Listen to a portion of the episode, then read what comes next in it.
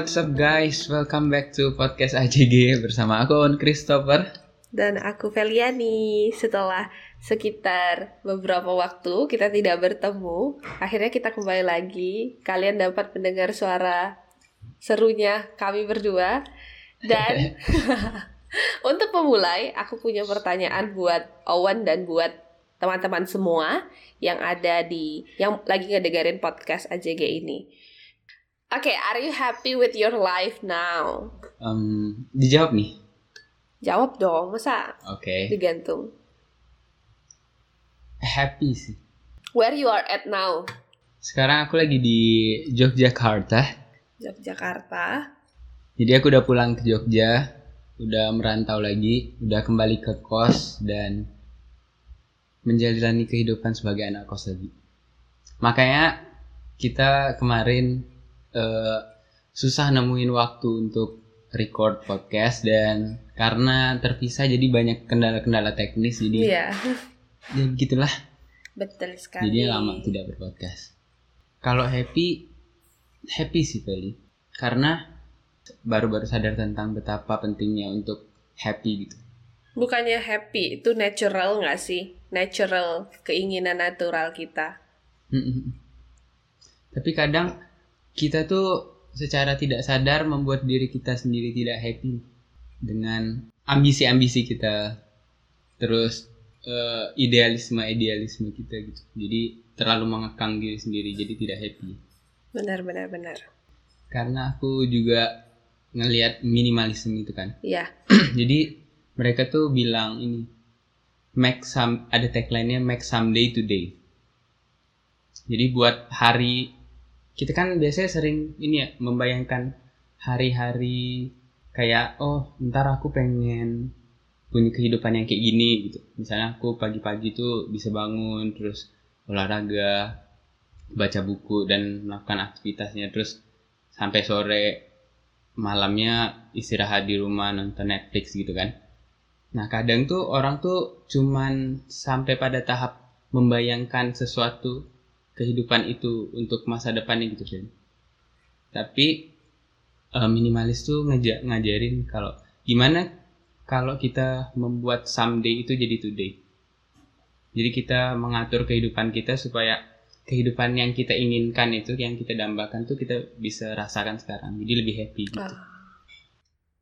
That's a great explanation. Jadi happy sekarang dengan kehidupan tapi juga sadar bahwa banyak sekali hal-hal yang bisa menyebabkan nggak happy gitu kan, nggak bahagia sama hidup yang uh, kau punya waktu itu. Which is great gitu karena punya self awareness yang baik terhadap diri sendiri. Jadi tahu dalam prosesnya tahu mau ke mana dan ngapain aja. Nah, basically di episode kali ini kita tuh pengen ngebahas sesuatu yang kita alami karena juga pasti teman-teman di sini juga ngalamin hal yang uh, kurang lebih sama dengan kita gitu, yaitu uh, ngelewatin proses menjadi seorang dewasa, menuju dewasa. Nah, dalam proses menuju dewasa itu kan kita banyak banget ngelewatin hal-hal dalam hidup. Contohnya nih ada rencana-rencana, ada goal yang kita mau, bahkan juga kayak tadi Owen singgung sedikit ada ambisi yang pengen kita kejar. Dan juga di masa-masa sekarang ngerasa nggak sih Wen kayak kita mesti juggle atau menyeimbangkan banyak hal sekaligus di awal-awal umur 20-an ini gitu. Menurut kau tuh gimana gitu kau ngelewatinnya? Em, menurut aku karena emang nggak tahu ya angkatan kita tuh dituntut lebih banyak nggak sih? Mhm. Dituntut lebih banyak, dituntut lebih cepat. Jadinya kayak harus bisa ini, harus bisa itu. Dan kadang itu em, jadi struggle tersendiri sih. Dan sulit juga untuk menerima atau menyeimbangkan yang kayak kau bilang tadi. Apalagi kalau orangnya kayak saya kan, eh, susah untuk bilang tidak. Jadi kayak makin banyak yang harus dikerjakan, terus akhirnya kurang maksimal gitu dalam mengerjakannya. Mhm. Setuju, setuju. Jadi emang dalam proses ini ngerasa gak sih ketika ngobrol nih sama teman-teman tongkrongan sekarang itu omongannya udah mulai merembet-rembet tentang kerjaan, tentang kuliah nih udah gimana nih kalau yang kuliah gitu kan. Terus juga udah pasti selalu ada bumbu-bumbu love life-nya di dalamnya. Betul. Dan itu tuh membuat kita jadi semakin uh, mempertanyakan diri gak sih setelah nanti pulang ke rumah gitu kayak aku nih maunya apa sih? Aku nih siapa? Aku nih di mana? Existential question gitu kan. Mm-mm.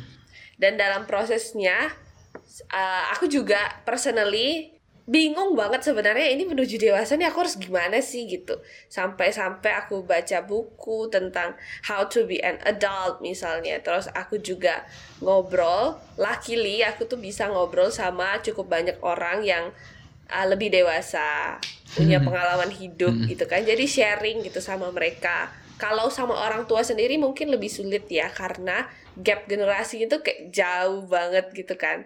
Kalau di masa yang lalu trajektori atau proses langkah-langkah step dalam hidup orang tuh kayak ya jelas gitu kan. Kuliah atau sekolah gitu kan. Kerja kerja mencari pasangan cari pasangan menikah gitu. Terus kayak ya udah gitu kerja lagi sampai mati gitu misalnya gitu kan.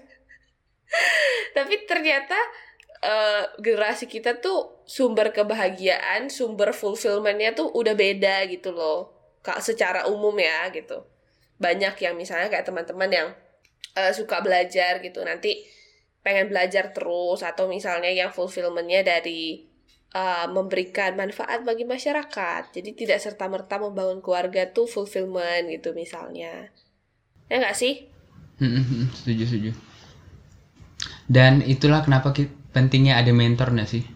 Supaya kita lebih jelas dalam mengambil keputusannya. Terus ban- mentornya juga bantu melihat dari sisi yang lebih eh, lebih sebagai dari sisi orang yang telah melewati masa ini masa yang adult ini supaya kita tidak melakukan kesalahan-kesalahan yang berujung kepada penyesalan di kemudian harinya. tapi kalau kita buat salah emangnya salah Em, tidak sih ya, karena manusia adalah tempat lupa dan salah itu kata teman aku. ya tapi kan kita buat salah gitu kan maksudnya kadang-kadang ngerasa nggak sih ketika kita buat salah kita tuh menghukum diri kita terlalu berat gitu atas kesalahan itu misalnya salah lupa submit tugas terus udah janjian terus ternyata lupa gitu kan terus nanti kayak merasa bersalah gitu kayak kenapa aku ngelakuin ini Mm, Menghukum diri sendiri, Mm-mm. push up gitu. Saya harus push up menghukum diri. Nggak ya, nggak juga sih. Iya ya, coba kita menghukum diri sendirinya nggak usah pakai pikiran ya, fisik aja. Nah, di bagian terakhir, sadar nggak sih juga pas pas salah satu hal yang benar-benar jadi tanggung jawab kita karena kita menuju dewasa tuh emosi kita sendiri.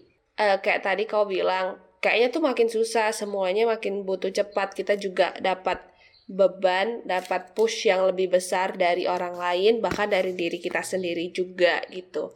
Jadi kita pasti ingin mengejar misalnya kayak kebahagiaan, mengejar uh, pemenuhan keinginan gitu. Tapi kadang-kadang kita malah mudah jatuh ke dalam kondisi cuma butuh pleasure, kebahagiaan sesaat, kesenangan semata-mata gitu kan. Bisa sampai marah, bisa sampai sedih berlebihan gitu. Itu itu happen karena kontrol terhadap emosi kita tuh masih rendah gitu. Atau mungkin bukan bukan rendah juga sih tapi proses menuju itu tuh masih membingungkan. Karena kayak nggak tahu ini nih apa sih? Ini nih ngapa terjadi? gitu. Apalagi kita juga membandingkan diri kita dengan orang lain tadi itu kan. Terus kayak menurut kau apa sih yang bisa kita lakuin untuk eh, mengatasi perasaan-perasaan itu? Kan emang perasaan bersalah tuh sering muncul karena kita ini gak sih mengkategorikan salahnya tuh yang salah tuh yang kayak gini yang benar tuh kayak gini. Jadi ketika kita punya standar yang benar tuh adalah kehidupan teman-teman kita yang udah sukses nah itu menurut aku jadi jadi salah satu penyebab kita untuk terbebani dengan rasa bersalah itu Feli. Soalnya kan orang tuh jarang mempertontonkan ketidaksempurnaannya kan? Betul. Jadi ketika orang-orang yang kita jadikan sebagai patokan sukses atau patokan eh umur segini nih udah harus kayak gini gitu. Nah padahal kan kita juga tidak tahu seperti apa dia menjalankan kehidupannya gitu. Apakah dia happy, sebenarnya happy atau enggak dengan kehidupannya kan? Nah jadi cara untuk tidak merasa bersalah yang pertama kita menentukan itunya sih tadi standar salah benarnya gitu. Tapi menurut aku kalau kita melakukan kesalahan tuh kan ini ya normal ya. Mm-mm. tapi kalau kita eh, mengulangi kesalahan sama terus tuh kayaknya itu tidak begitu normal. Nah jadi ketika kita melakukan sesuatu dan terjadi kesalahan menurut aku ya emang harus belajar dari kesalahan itu sih supaya nggak terjadi lagi ke depannya Iya, setuju. Sama mungkin harus menerima fakta bahwa kita tuh pasti membuat kesalahan dan pasti nggak sempurna dalam ngerjain apa pun. Bahkan kayak kita juga berdua nih ngerjain podcast AJG nih kadang-kadang kayak ngerasa waduh ini kurangnya gini kurangnya gitu kayak banyak sekali hal-hal yang banyak sekali Mm, kurangnya banyak sekali hal-hal yang kita harapkan tuh tidak terjadi dan kalau kita bisa membalikan waktu tuh harusnya kita kayak gini dan kayak gitu. Tapi untuk mencapai kesempurnaan tuh ternyata adalah menghubungkan titik-titik salah tadi yang kayak Owen bilang terus kita kita benerin satu persatu sehingga uh, setiap hari kita tuh berjalan menuju hal yang lebih baik bukan sempurna gitu kan tapi lebih baik. Jadi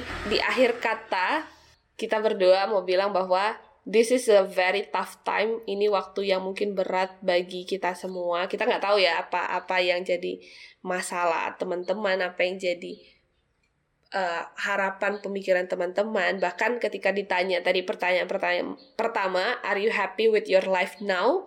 Bisa jadi banyak yang menjawab tidak gitu kan. Tidak atau mungkin happy tapi nggak tahu happy-nya karena apa atau mungkin atau iya gitu kan masih belum tahu. Nah, yang kita mau bilang adalah it's okay to feel confused, nggak apa-apa merasa bingung dengan apa yang teman-teman alami dan rasakan sekarang sebagai seorang dewasa muda, tapi juga sadari bahwa ketidaksempurnaan ini juga proses untuk menyempurnakan kita. saat awal-awal kita mulai podcast kan banyak salah-salahnya kan karena kita banyak melakukan kesalahan dulu aku sempat pengen berhenti gitu loh Feli Mm-mm.